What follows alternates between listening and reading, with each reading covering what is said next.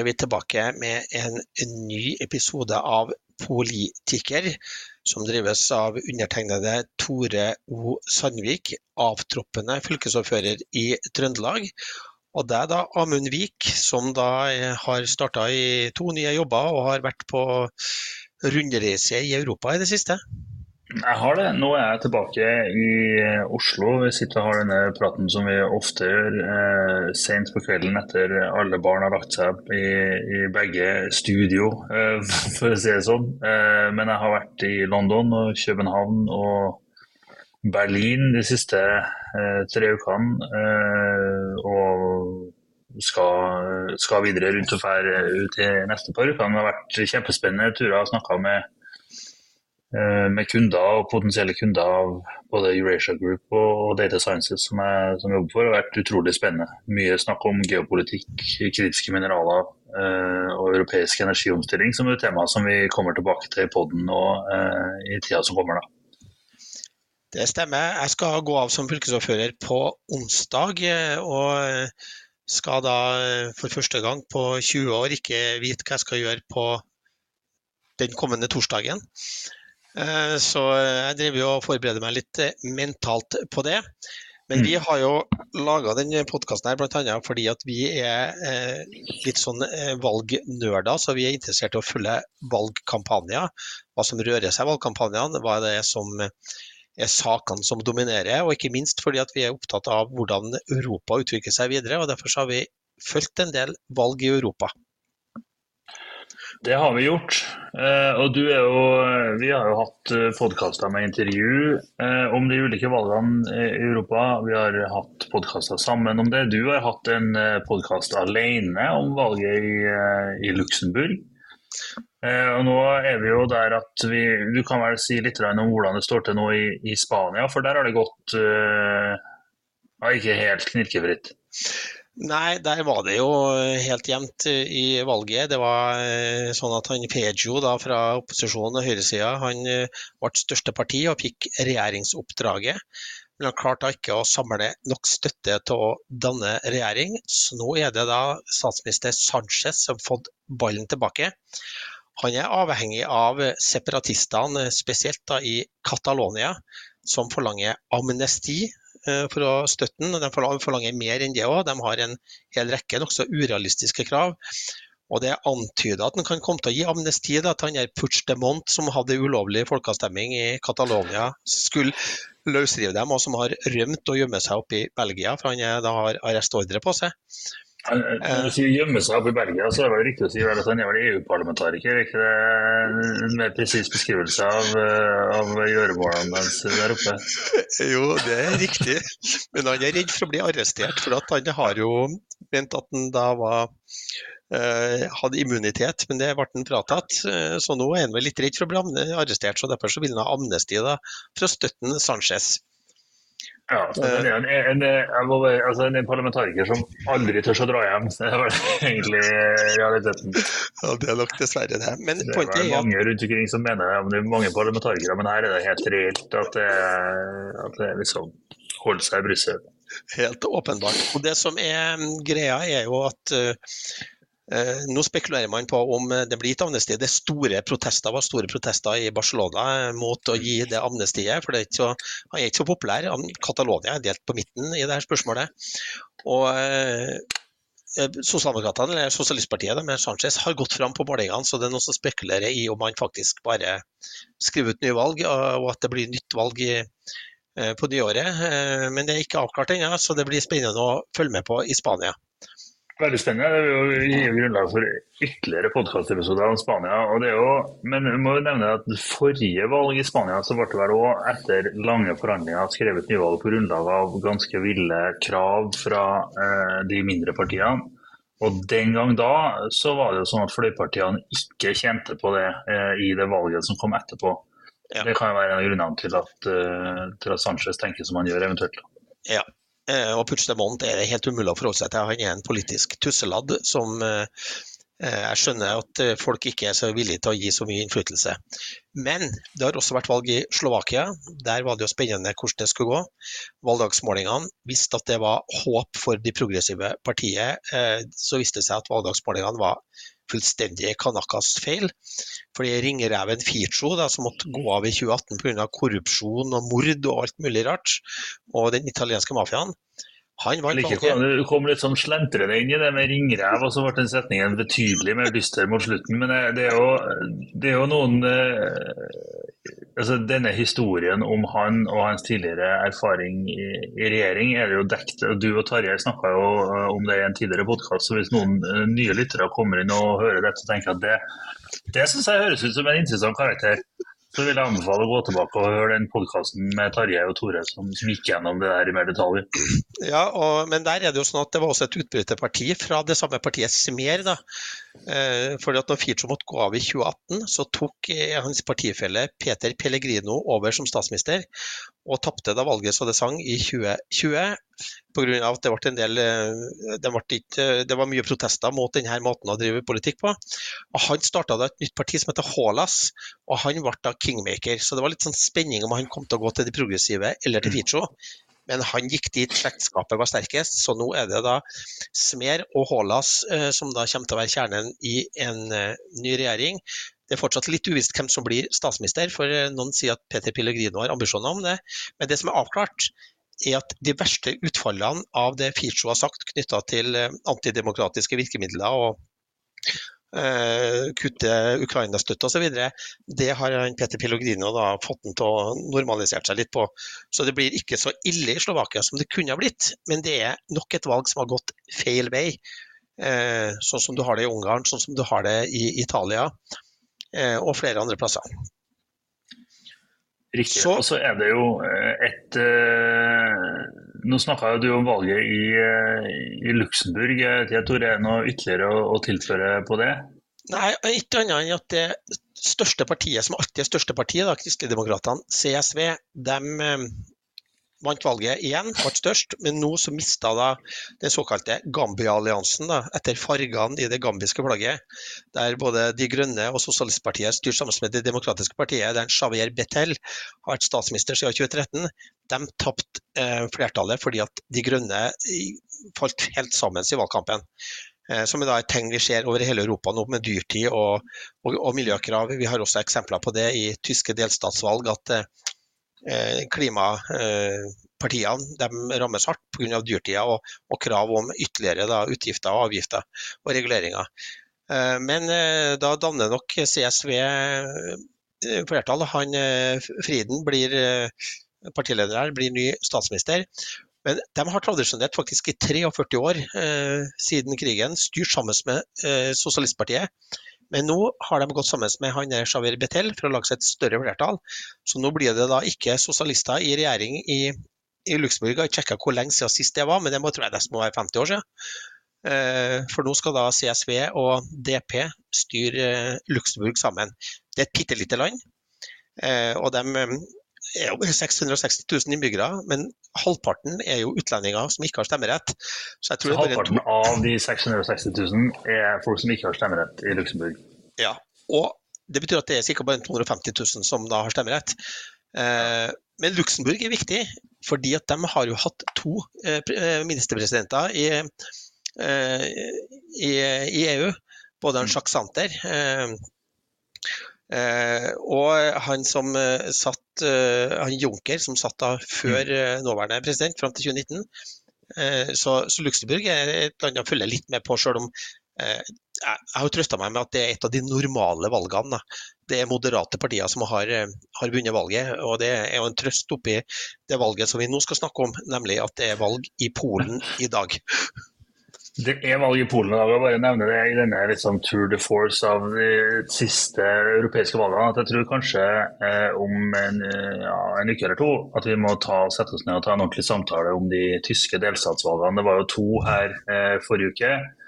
Eh, hvor AFD eh, gjorde det veldig sterkt. Det største var i, i Bayern, hvor AFT tradisjonelt ikke har vært sterke, hvor de gjorde det sterkere enn vanlig. Men det er jo kontrollert av en allerede relativt konservativ gjeng, som måtte ha hatt har styrt regionen forever, og så har det på en måte nå de siste årene siste valgene på en måte gradvis gått ned, da, men fra et veldig høyt utgangspunkt, og så nedover og nedover. Og nedover. Og så har AFT kommet inn sterkt. Grunnen til at det er jeg tenker at det kan være lurt å snakke om det, én fordi det er nok et valg hvor klimasaken er veldig polariserende og mobiliserende for ytre høyre. Og to, Eh, at neste år er det nye, eh, tre nye delstatsvalg i Tyskland. Mm. og Det regioner hvor AFD er vesentlig sterkere. Så et utfall av det kan være at du har tre delstatspresidenter i Tyskland fra AFD i løpet av neste år.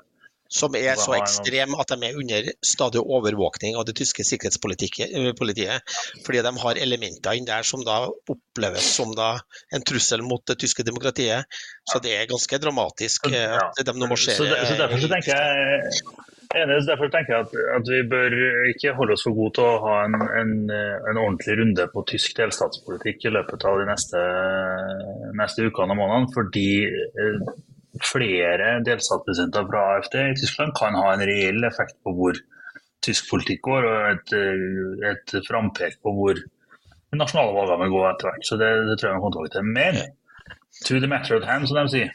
Ja. Eh, Polen. Det er valg i vi sier vel strengt tatt i morgen. Vi spiller inn dette her eh, omtrent ved midnatt natt til eh, søndag, og det er jo på søndag valget er. Så eh, lytterne våre vil jo eh, høre dette på selvvalgdagen. Så da kan vi si i dag, da, eh, til ære for lytterne, så vil det være valg i Polen. I, og det er et spennende og veldig betydningsfullt valg.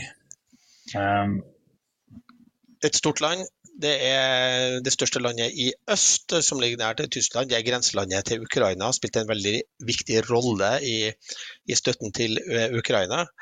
Eh, og eh, det er et land som vi må kunne si nok en gang dokumenterer at valg i Europa er i ferd med å bli ekstremt polarisert. Det er sånn det Tarjei Skibekk kaller for enten-eller-valg.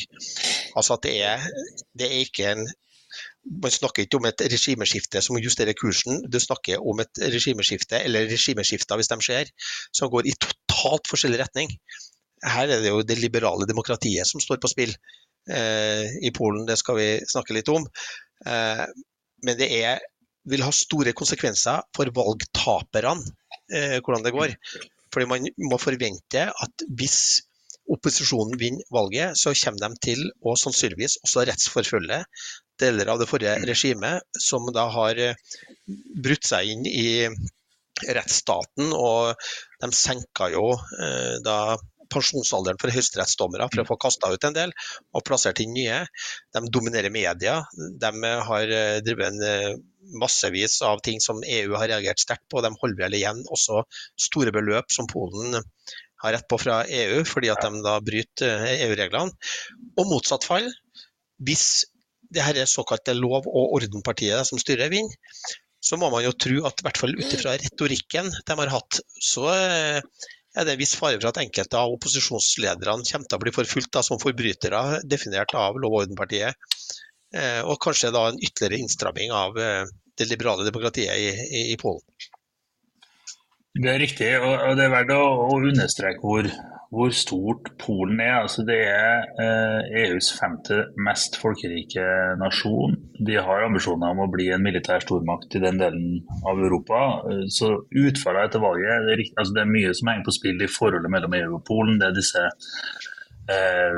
disse midlene som de skal få, eh, som holdes tilbake, som vil da bli holdt tilbake enda lenger eller på ubestemt tid eh, dersom posisjonen eh, skulle vinne igjen.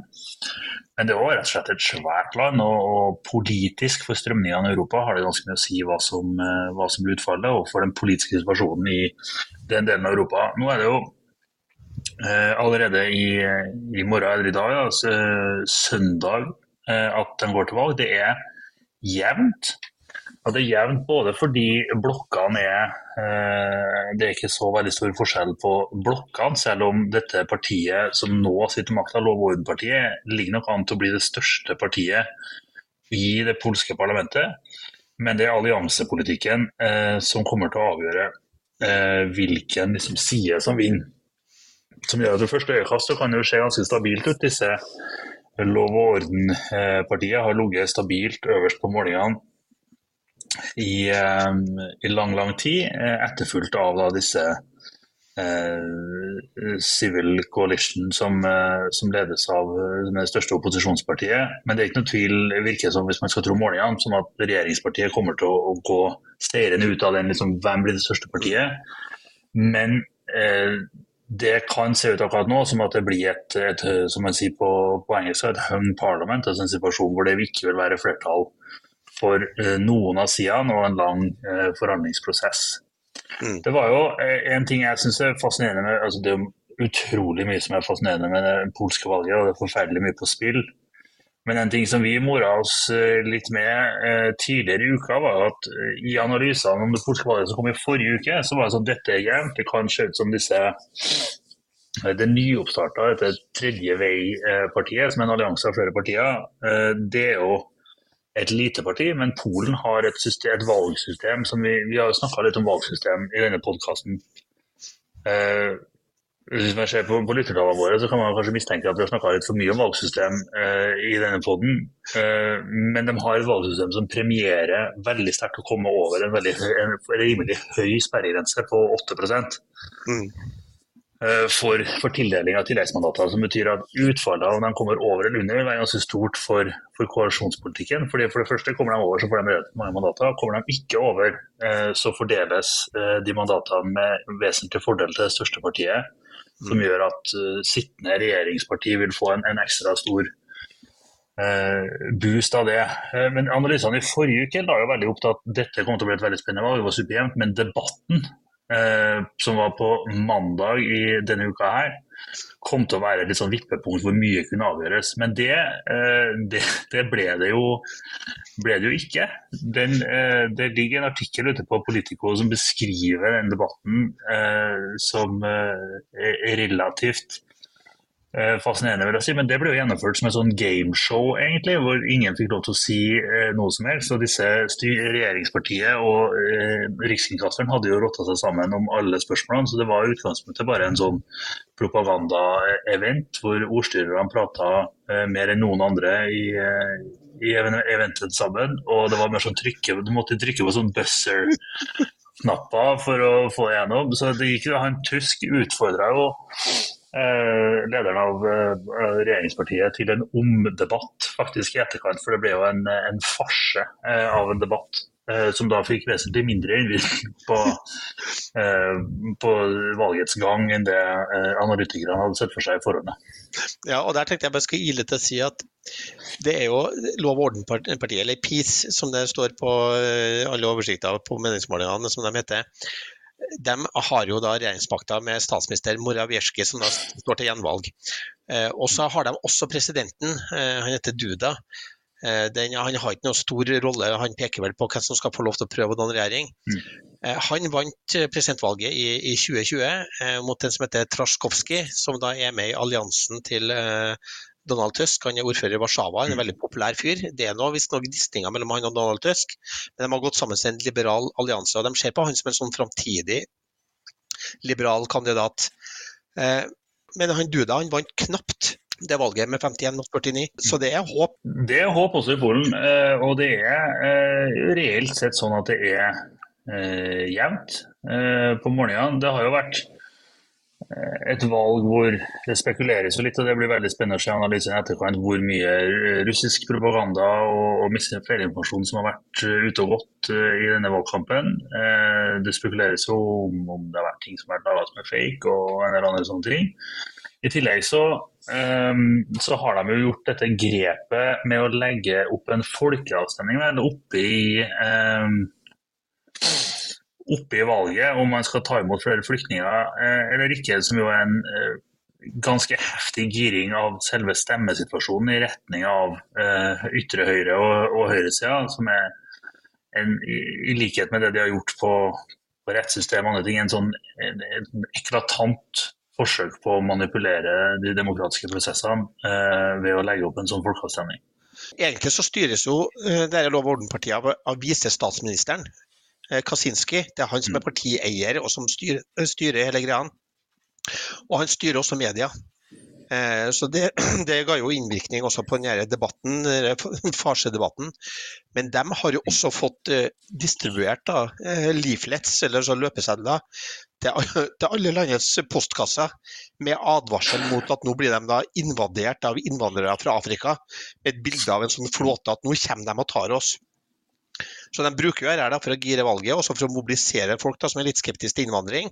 For det har blitt et tema her òg.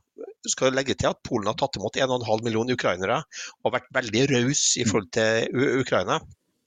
Men det skaper jo spenninger også i det polske samfunnet, og spesielt på landsbygda der det er, man også sliter med, med, med dyrtid, der Lov og orden-partiet har sin sterkeste base. Så det er, det er, spenninger, og de spiller nå ekstra på det her med, med immigranter. Eh, for å gire opp dette, da, for å få folk til å gå og stemme på folkeavstemninga, og så da kanskje slenge en stemme til Lovordenpartiet i, i, i urna samtidig. Det vi gjør det, og, det er jo som, som de fleste andre land vi, har snakka om her, og som har vært rundt i, for så vidt i hele verden og så er det jo inflasjon, eh, dyrtid, eh, kostnadsvekst som har vært blant de, de aller største sakene.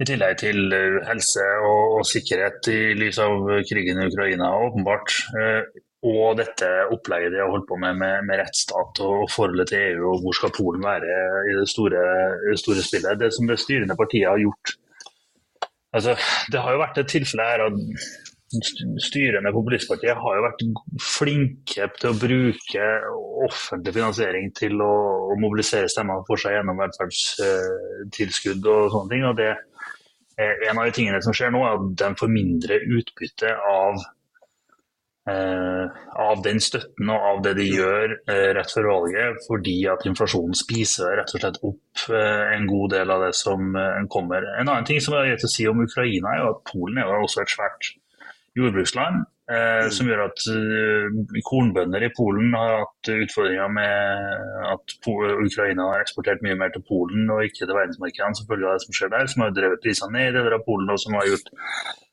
gitt, gjort utfor, gitt utfordringer for, eh, for, den delen. Og der, dette konfederasjonspartiet, altså som er et ytterliggående høyreparti på utsida av det som må kalles en forholdsvis høyreorientert gjeng som styrer Polen akkurat nå, de fisker jo i det landskapet og plukker opp på en måte disgruntled velgere fra, fra dette styrende partiet. Og de, eh, det ligger jo an til at det kan bli et slags sånn kingmaker-parti i, i, denne ettervalgsrunden. Og der har jeg syntes at det har vært det Man skulle tro sant, at uh, en situasjon hvor eh, det ytterliggående høyrepartiet er på vippen, at det helt åpenbart betyr at sittende regjering fortsetter. Men ifølge flinke folk som kan mye om Polen, så er det ikke nødvendigvis sånn. Igjen fordi at forholdet er visstnok forferdelig dårlig mellom eh, det ytterliggående partiet og regjeringspartiet, og to fordi at de er redde for å bli eh, usynlig i skyggen av et veldig mektig regjeringsparti, og kanskje ser seg tjent med en situasjon med en litt svakere liberal mindretallsregjering, avhengig av ytterligere høyregående støtte for å få ting, i hvert fall for å komme seg inn, eh, inn i posisjon. Det som eh, jeg kan bare legge til der, altså, at ja. det, det, er vel også sånn at det her Konvensjonspartiet er også veldig økonomisk liberal. Eh, så de er, mm. ser seg vel også enda mer tjent da, med, med, åpenhet mot EU og, mm. og sånne ting. Så det er en sånn mixed situasjon som gjør at det er ikke opplagt at de støtter det her Lovordenpartiet, selv om de da på mange områder virker like eh, ja, ekstrem mm. i retorikken som de eh, på mange måter. Ja, så, så, Dette blir jo i likhet med det spanske valget egentlig et valg hvor det kan bli vel så interessant å følge med på situasjonen etter valget som før valget, for det kommer antageligvis ikke til å være avklart. og det en vurdering som, eh, som, ligger ute nå, som, eh, som også Eurasia Group og andre eh, mener mest sannsynlig, er at det blir en eller annen variant av et parlament uten entydig flertall. At opposisjonen samla ikke har flertall, og at regjeringspartiet samla ikke har flertall, men at det blir en sånn lang runde med forhandlinger. Ikke ulikt det vi ser i Spania, og ikke ulikt det vi ser i Spania, så kan det også være at enden på visa blir et nyvalg av en eller annen, av en eller annen art. Uh, men at det i hvert fall blir en forferdelig spennende periode hvor for Europa så ligger det jo uh, veldig mye i potten. for det er et svært land, innflytelsesrikt i Europa. Og dersom, dersom den liberale opposisjonen vinner fram i Polen, så kan jo Polen faktisk ta en, en rolle i Europa. Sant? For nå, er en situasjon hvor Tyskland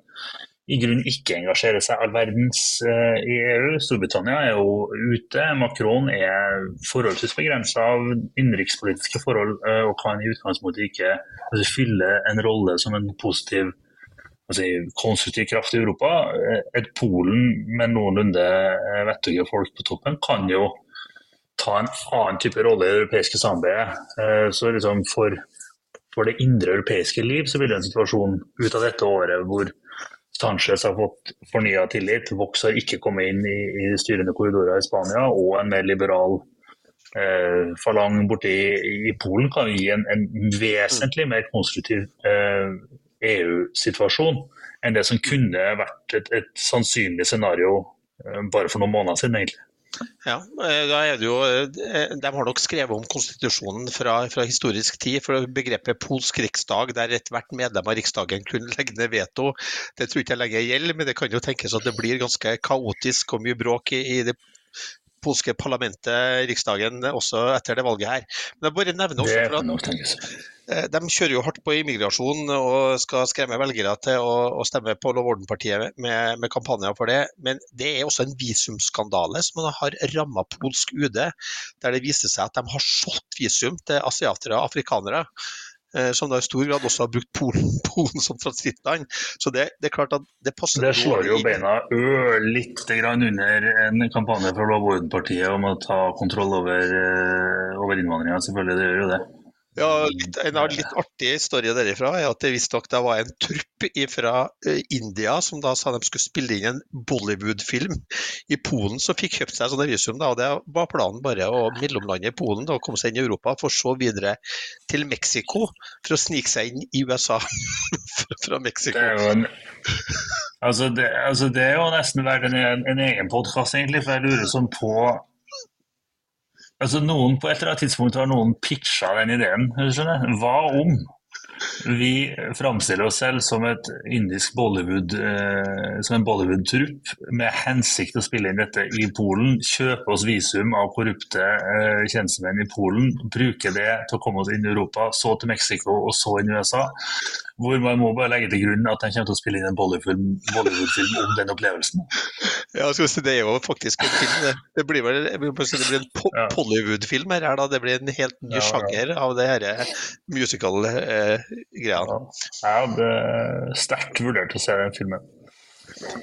Men så eh, må vi også snakke fra eh, litt lystige ting da, til at eh, det har tatt fyr i Midtøsten eh, siden sist vi snakka sammen. Og det har tatt fyr på en helt fryktelig måte med et eh, for å si det rett ut, for jævlig terroristangrep eh, mot eh, Israel med over 1000 eh, døde sivile, eh, som alle har fått med seg. og der det nå da er gjengjeldelse på gang fra Israel. jeg har jo vært på besøk i både Tel Aviv, Jerusalem og i Ramallah. Og kjørt rundt. Vi som reiste på diplomatpass, vi kommer oss litt greiere rundt enn eh, palestinerne. Men jeg vil si at det er et par ting som slår deg når du er nedi her. Det ene er at det er veldig lite. Alt er veldig nært. Og det som da, med tanke på at Gaza er bitte lite, hvor det bor 2,5 millioner mennesker på hva det er, 360 kvadratkilometer. Altså det, er, det, er nest, det er litt større enn Trondheim kommune. Eh, og Jeg har sett for meg at det skal bo over to millioner mennesker her, men de er nå da innstengt. Eh, og bombes da av Israel, som også da eh, er i ferd med å forberede bakkeinvasjon.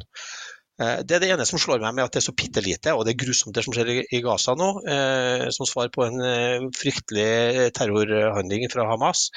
Men det andre er at når vi var i Tel Aviv, så møtte vi jo både palestinere og israelere som var, hadde et sterkt ønske om å leve sammen i fred. Vi var også på, på teater i Tel Aviv og så eh, snakka med skuespillerne, eh, palestinske og, og israelske, altså jøder, som spilte en, eh, et stykke som het The Return to Haifa. Eh, det har vært store protester da, fra konservative eh, jøder mot at stykket ble satt opp. Jeg tror det er skrevet av en eh, tidligere toppleder i PLO. det stykket handla om en palestinsk familie som måtte flykte da i 48, når eh, da Israel ble danna og de ble jaga fra, fra Haifa. Og så måtte de flykte så fort at eh, sønnen deres ble igjen i huset. Mm. Eh, og så handler det stykket om at det her palestinske familien eh, kommer tilbake, og det viser seg at en israelsk familie som hadde overlevd, et ektepar som hadde overlevd holocaust og mista barna sine, kom til det huset, fant den sønnen og tok han da som sin egen sønn. Og så det her stykket finner litt sånn ulike versjoner, men da handla det liksom om det møtet mellom dem da, og den her felles sønnen som skulle illustrere at det her egentlig var et felles land, og hvordan det her eh, man da eh, møtte det her var 20 år etter, og sønnen var da eh, soldat i det israelske forsvaret. Og det handla om hvordan da de det her felles barnet, det her felles landet, hvordan man egentlig skal kunne leve sammen og, og takle både historien og, og, videre. Så det finnes jo fryktelig mange mennesker både i Palestina og Israel som ønsker at det her skal gå fredelig for seg. Eh, og Det gjør det jo så fortvilende at det er ekstremister nå da, som bruker da, resten av landet og befolkninga som slagmark, eh, blodig slagmark eh, for sine ytterliggående ideer. Og Det gjør jo at jeg må si at det, er noe av det som skremmer meg mest av alt, det er den situasjonen nedi der. For det her påvirker jo også geopolitikken kraftig. Og det merkes jo også lokalt på, på mange måter. Det her angrepet skjedde vel 50 år og én dag etter den såkalte Jom Kippur-krigen, mm. som det nå har kommet en film om, der man portretterer Golda Meir, som var da israelsk statsminister, den eneste kvinnelige som har vært, eh, som opplevde litt av det samme. Eh, altså Israel ble overrumpla, ble angrepet av Syria og eh, Egypt. Eh, og Det har vel også noe paralleller til nå. at eh, den, den, israelske etterretninga har vært opptatt med andre ting, eh, mm. så de fanga ikke opp det angrepet. Eh, og så eh, var krigen eh, et faktum. Og den gangen så endte det med støtte fra Sovjet på den ene sida til Syria-Egypt og USA som støtta opp om Israel. Det var fare for atomkrig. Den gangen var det jo fare også. De frykta for staten Israels eksistens. Det gjør de ikke nå. Men det gjorde jo at de arabiske statene, OPEC, starta da denne oljeboikotten mot alle vestlige land som støtta Israel. Som da endte opp da med at kongen tok eh, trikken eh, opp til Holmenkollen. Eh, og vi fikk en prisgalopp uten sidestykke og vi fikk oljekrise som påvirka europeisk politikk betydelig utover 70-tallet, helt fram mot, mot 80-tallet. Og da var Det også sånn at Det internasjonale energibyrået, altså IEA, ble stifta som et svar på, på, det som skjedde den gangen. Og da er det sånn poenget at Energi påvirker jo alt. Og det her er jo den, det området i verden med størst energiressurser samla sett. Eh, selv om USA nå er største eksportør av olje og gass, så er jo det her samla sett området som det er mest energi. Eh, og liksom, som, jeg regner med at det, det, her følges nok sikkert tett ifra eh, også dere arbeidsgiverne dine i Eurasia Group og andre. er det noe utslag på oljeprisen? hva er utsiktene? Hva, hva tenker man om, om det som skjer framover der? Ja, altså, eh, det er jo som du sier, altså, det har store geopolitiske konsekvenser, det som foregår. Eh, og det er også eh, flere observatører som har måtte, antyda at litt av bakgrunnen for at dette angrepet kom nå, også hadde utgangspunkt i, i geopolitiske hendelser. Da. Særlig det at Altså, over tid så har på en måte dette spørsmålet om tostatsløsning eller fred i, i, mellom Israel og Palestina har vært eh, et krav for å inngå i forhandlinger fra veldig mange av de andre landene i, i regionen for å forhandle med Israel. og nå eh, var det en situasjon hvor det egentlig i utgangspunktet ikke var, var tilfellet. Israel var en situasjon hvor man normaliserte diplomatiske forbindelser med, med, flere av landene rundt, i, i en situasjon hvor det ikke var en deal-breaker. Så kan man si at det, det in turn vil jo på en måte kanskje kunne bidra til at, at ville kunne bidra til at, sånn, at, at, dette kunne komme opp i spill. og nå Det siste som skulle på, en måte på plass, var jo en, en mer normalisering av forbindelser mellom eh, Saudi og, eh, og Israel. Eh, og det er noe altså, de fleste som ser på dette, vurderer dette som det eh, i det minste sparka til en eh, ettertrykkelig sparka til corner, og også potensielt eh, off the books. Mm. Som heller ikke er bra for, for den palestinske saken, egentlig. Så, uh, samtaler er, alltid bedre enn en ikke samtaler. Mm. Men det, må jeg illustrerer litt også hvordan disse Jom Kippur-krigen uh, og dette er litt forskjellig. For det var jo en veldig statsdrevet konflikt, mens dette her er jo religiøs fanatisme, egentlig drevet innenfor rammene av eh, si, Hamas sin sak for øvrig, men de er jo eh, religiøse fanatikere. Eh, og drevet mye av sin egen. Og, og, nå ser det jo ut som hvert fall at det som er ute nå, er vel mest amerikanerne og etterretningstjenestene uh, virker å være overbevist om at Iran f.eks. var overraska over at dette skjedde, uh, og at, at, man ikke hadde så mye inni det. Så foreløpig så ser det ut til å ikke direkte si, være noe som, som måtte umiddelbart bli en statsdrevet konflikt på andre sida, altså åpenbart det for Israel, og, men at ikke de andre statene i regionen måtte melde seg på. Mm. Eh, så det gjør jo at i utgangspunktet eh, så er det ingenting som tyder på at dette som sådan driver opp energiprisene pga. fysiske forhold, men ganske raskt så steg jo prisen både på, på, gass og på olje på, på at risikopremium eh, gikk opp da, i markedet over hele, over hele verden. Eh, og eh, så, så, sånn sett så både prisen i Storbritannia gikk opp 13,5 eh, umiddelbart etter angrepet, f.eks. Det er jo markeder som er veldig politisk sensitive. Mm. Eh, men direkte på altså det, det, er i hvert fall få som måtte se for seg at det blir en situasjon lik den Eh, som ble etter Jom Kippur-krigen med en sånn omfattende blokade av Vesten og den måten å drive opp prisene på. Så må vi huske på energimarkedene i utgangspunktet under press nå pga. Eh, Ukraina-krigen. Så er det, liksom, det, er ikke så veldig mange andre ting som går i stykker før det, før det blir trangere. Det, men det, det, er to ting å si. Det ene er jo på en måte at krig er forferdelig uforutsigbart. Og den måten, altså det, det forferdelige som nå skjer i, i Gaza, er jo også noe som kan ha sin egen si, rekke av konsekvenser. Eh, og det andre er på en måte, det er jo først når regionale, andre regionale spillere blir dratt inn at dette kan bli et problem. Men det er klart mye av oljen, eh, som bruker, energien som brukes i verden, går gjennom Hormuzstredet. Eh, så det er klart eh, utvikling av en større konflikt i regionen kan jo få store konsekvenser for flyten i, i markedet. Eh, selv om ikke det direkte er sånn at tilgangen blokkeres gjennom eh, andre grep. Og så, det er jo som du, du, sa det jo selv, altså, en ting som har skjedd på denne tida, er jo at USA har kommet inn som verdens største eksportør av olje. sånn at Maktbalansen i energimarkedene har endra seg. sånn at Selv om uh, OPEC har forferdelig stor innflytelse over oljemarkedene fortsatt, så er det flere større spillere inne på den såkalte non-OPEC-sida som gjør at makten ikke er like eklatant. og Det er ingenting som tyder på at akkurat nå altså at Saudi tenker at de er tjent med en sånn mm. storskala boikott. Uh, ja, Det var vel også sånn at man spekulerte i at dette angrepet kom nå også fordi at Hamas var, var redd for å bli marginalisert uh, mm. pga. Abraham-avtalene som da var mm under oppseiling, som da også Saudi var nå inn på. Det, det starta jo med Jared Kushner, han er svigersønnen til Trump, som var nedi her og, og, fikk da Bahrain og eh, Emiratene til å skrive under på en avtale. Det er Abraham eh, Accords, altså de, det er oppkalt etter de landene som da har religioner som springer ut fra, fra Abraham. Eh, og der det viktigste er at de anerkjenner Israels rett til å eksistere. og Det er jo det som er, liksom var grunnlaget for det. Siden så har jo så både Marokko, og, altså Bahrain og, og, og, Sudan kommet med, og så var Saudi nå under, under trappene. Eh, mm. men det er jo ingen tvil også om at stormaktene er fortsatt til stede. Han Hamas-sjefen var jo eh, for ikke så lenge siden i Moskva og møtte Putin.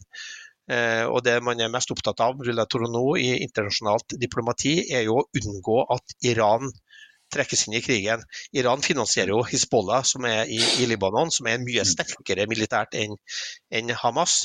Eh, og det tror både Israel sikkert og andre allierte, med, kanskje med unntak av Putin, som ser seg tjent med at det brenner litt flere plasser. Eh, nå prøver da å, å holde denne konflikten isolert. Men det kommer vel også an på hvor brutalt det blir i Gaza. For det blir nok vanskelig for mange av de andre arabiske landene å holde ro i egne rekker hvis det blir veldig brutalt i Gaza. Det blir kanskje også vanskeligere, da har vel også Hizbollah varsla, at hvis det blir for brutalt i Gaza, så er det en fare for at de også da går inn i konflikten. og De er veldig tett knytta opp imot det iranske regimet. Så jeg tror eh, vi må krysse fingrene for at uh, man så raskt som mulig får våpenhviler, og at man får, uh, får roa gemyttene. Uh, men det er klart, sånn som det er nå, så syns jeg det ser mørkt ut. med nå har vel Israel varsla at en million mennesker må flykte sørover i Gaza, og grensa mot Egypt er vel ikke åpna. Det er jo et, ikke et område å bevege seg på. Eh, så jeg må si at eh, det her er noe av det som holder meg litt våken om natta for, for tida. Eh, I forhold til hvordan det kan komme til å utvikle seg, og hvor radikalisert også andre grupper kan bli med, med, med terror også i, i, andre områder enn, enn det som foregår nede i Midtøsten akkurat nå. Ja, det, er helt, helt grusomt og forferdelig det, det, som foregår. Det som, som sier, altså det, det, som nå foregår i Gaza, kan jo gi sin egen måte, rekke med andreordens konsekvenser og, og, posisjonering både av stater og, og ikke-statlige aktører i regionen kan, kan føle seg på en måte kalla til, til, å bli med i konflikten. Jeg, for, for, analogiens del så tror jeg det er viktig å huske på liksom igjen, som jeg sa, dette er det er annerledes. Et sånn intervju som jeg hørte eh, nylig, som jeg anbefaler veldig, er jo Yuval Harari sitt intervju med, med Alistair Campbell og Rory Stewart på denne uh, leading-podkasten som de har, uh, som var veldig sånn sårt og nært om hvordan denne konflikten er, men som òg måtte Han også sa at de starta veldig i denne metaforen med Jom Kippur-krigen, og nå har de rotta seg sammen og kommer overraskende for å ta oss. og Det var også en, en mm. tilsvarende etterretnings skandale i forkant av det, at de ikke var klar. Som i parentes mener er jo grunnen til at de har bygd opp et, et veldig omfattende etterretningsnettverk i, i, i åra mellom. Så det vil jo være en politisk fallout av dimensjoner også i Israel etter dette. Mm.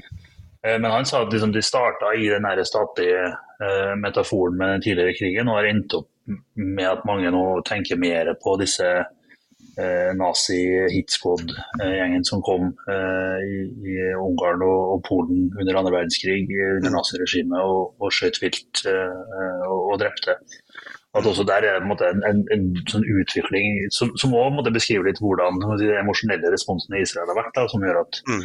statlig sikkerhet eh, og denne endringen av Hamas fra en, gjeng som holdt på i Gaza, som på en måte Eh, de hadde en slags eh, relasjon eh, med, til denne nå, hvor de har i hvert fall de altså nå ses på som en mer sånn ISIS mm. IS-lignende brutal terrororganisasjon, mm. struktur da, som påvirker veldig hvordan dette spiller i, i, Israel. Men det er klart, den utrolig brutale framferden i, i Gaza nå kommer til å ha store konsekvenser. og vil det sånn, Mens det å, å, kontrollere situasjonen kanskje vil være bra for Israels sikkerhet, så vil det, å gå inn i en langvarig okkupasjon, brutal okkupasjon i Gaza, bidra til å potensielt destabilisere eh, i hvert fall Israel, den. Israels nærområder, men eh, potensielt hele, hele regionen. Ja, og Det er jo eh, verdt å merke seg også at Israel var jo djupt splitta også før det her, med store mm. demonstrasjoner mot eh, Netanyahu sitt forsøk på å ta kontroll over også rettssystemene de der. Og, men eh, det er klart at angrepet her gjør nå at nå er hele Israel samla. Eh, men det blir et etterspill når eh, støvet har lagt seg, vil jeg tro, knytta til eh, hvordan kunne man overse det her angrepet. Var det noen som hadde varsla som man ikke fanga opp? Var eh, den store konflikten som var internt i Israel medvirkende til at man hadde senka garden? eller hva var det som skjedde? Så, så det blir spennende å følge med på, men først og fremst så tror jeg vi skal krysse fingrene for at brutaliteten i Gaza da gir seg, og at man også fra arabisk mm. side da, greier å kontrollere Hamas på en annen måte, så ikke her ekstremismen får bre om seg med de her eh, fryktelige terroraksjonene mot sivile som, eh, som, er helt umulig å, å, egentlig sette seg inn i hvor grusomt det er. Det var jo eh, ja, jeg så noe som sammenligna med 9-11 i USA. at hvis, var, hvis du tar befolkninga som utgangspunkt, så ville det vært som om 45 000 døde i, i, i Twin Towers. Det antallet som i forhold til befolkninga i Israel da, ble, ble drept i det her angrepet fra Hamas. Ja, altså det, det er bare det, er umulig å si så mye vettugt om det utover at det er bare forferdelig tragisk. Og, og det er jo organisasjoner som altså, jobber på begge sider som, som bidrar til dette blir bedre. Nå er det jo både Norsk Folkehjelp og mm. Leger uten grenser er aktive i Gaza, i en situasjon som skjer nå. Eh, som det, hvis man føler eh, et behov for å, for å, kunne bidra med noe, så er det i hvert fall det organisasjoner som trenger all den hjelp de kan få eh, akkurat nå. Og så er det jo en utrolig smertefull. Eh, hele dette, både terrorangrepet og det etterpå, er bare det, det, grusomt. Mm. Mm.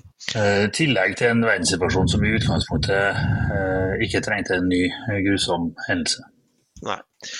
Og der er det jo også sånn at den som kanskje tjener det på avstand, er jo Putin, da, som ønsker å få spredt oppmerksomheten til både USA og, andre. Nå har det jo vært uro i Sør-Kaukasus, i store deler av Afrika, med eksplosjon i Midtøsten og kaos i Washington. Eh, nå kan det jo tenkes at nettopp eh, denne eh, situasjonen i Midtøsten gjør at man greier å bli enige om å finansiere støtten til Ukraina, også i det kaoset som nå pågår i Kongressen. Eh, som nå ble stoppa pga. at de ikke har en speaker of the house.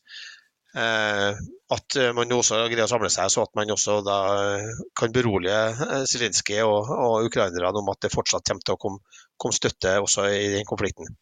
Men Amund, det var også sprengt ei rørledning i nabolaget? Rett og slett. Og det er jo Det var altså en, en ledning som gikk fra Polen til Estland, som gikk i Altså, hvor nå eh, finske eh, Fra Finland til, til Estland, jeg, hvor finske myndigheter nå i, rett før helga eh, var ute og sa at de mistenkte at eh, denne eh, altså bruddet på ledningen skyldes eh, en ytre handling, en sabotasjehandling, rett og slett. Og så er det jo en en ledning som har lite konsekvenser for det europeiske energisystemet som sådan. Eh, Finland har sånn flytende eh, regatifiseringsanlegg for LNG og kan motta det på skip og er sånn sett på en sikra. Og i Baltikum så finnes det muligheter til å få inn eh, gass på, på, andre måter. Altså det er ikke en, en kritisk eh, bit av det europeiske energisystemet, men også der er det jo sånn at europeisk gassinfrastruktur er jo under press som følge av at det er mindre gass eh, tilgjengelig etter krigen.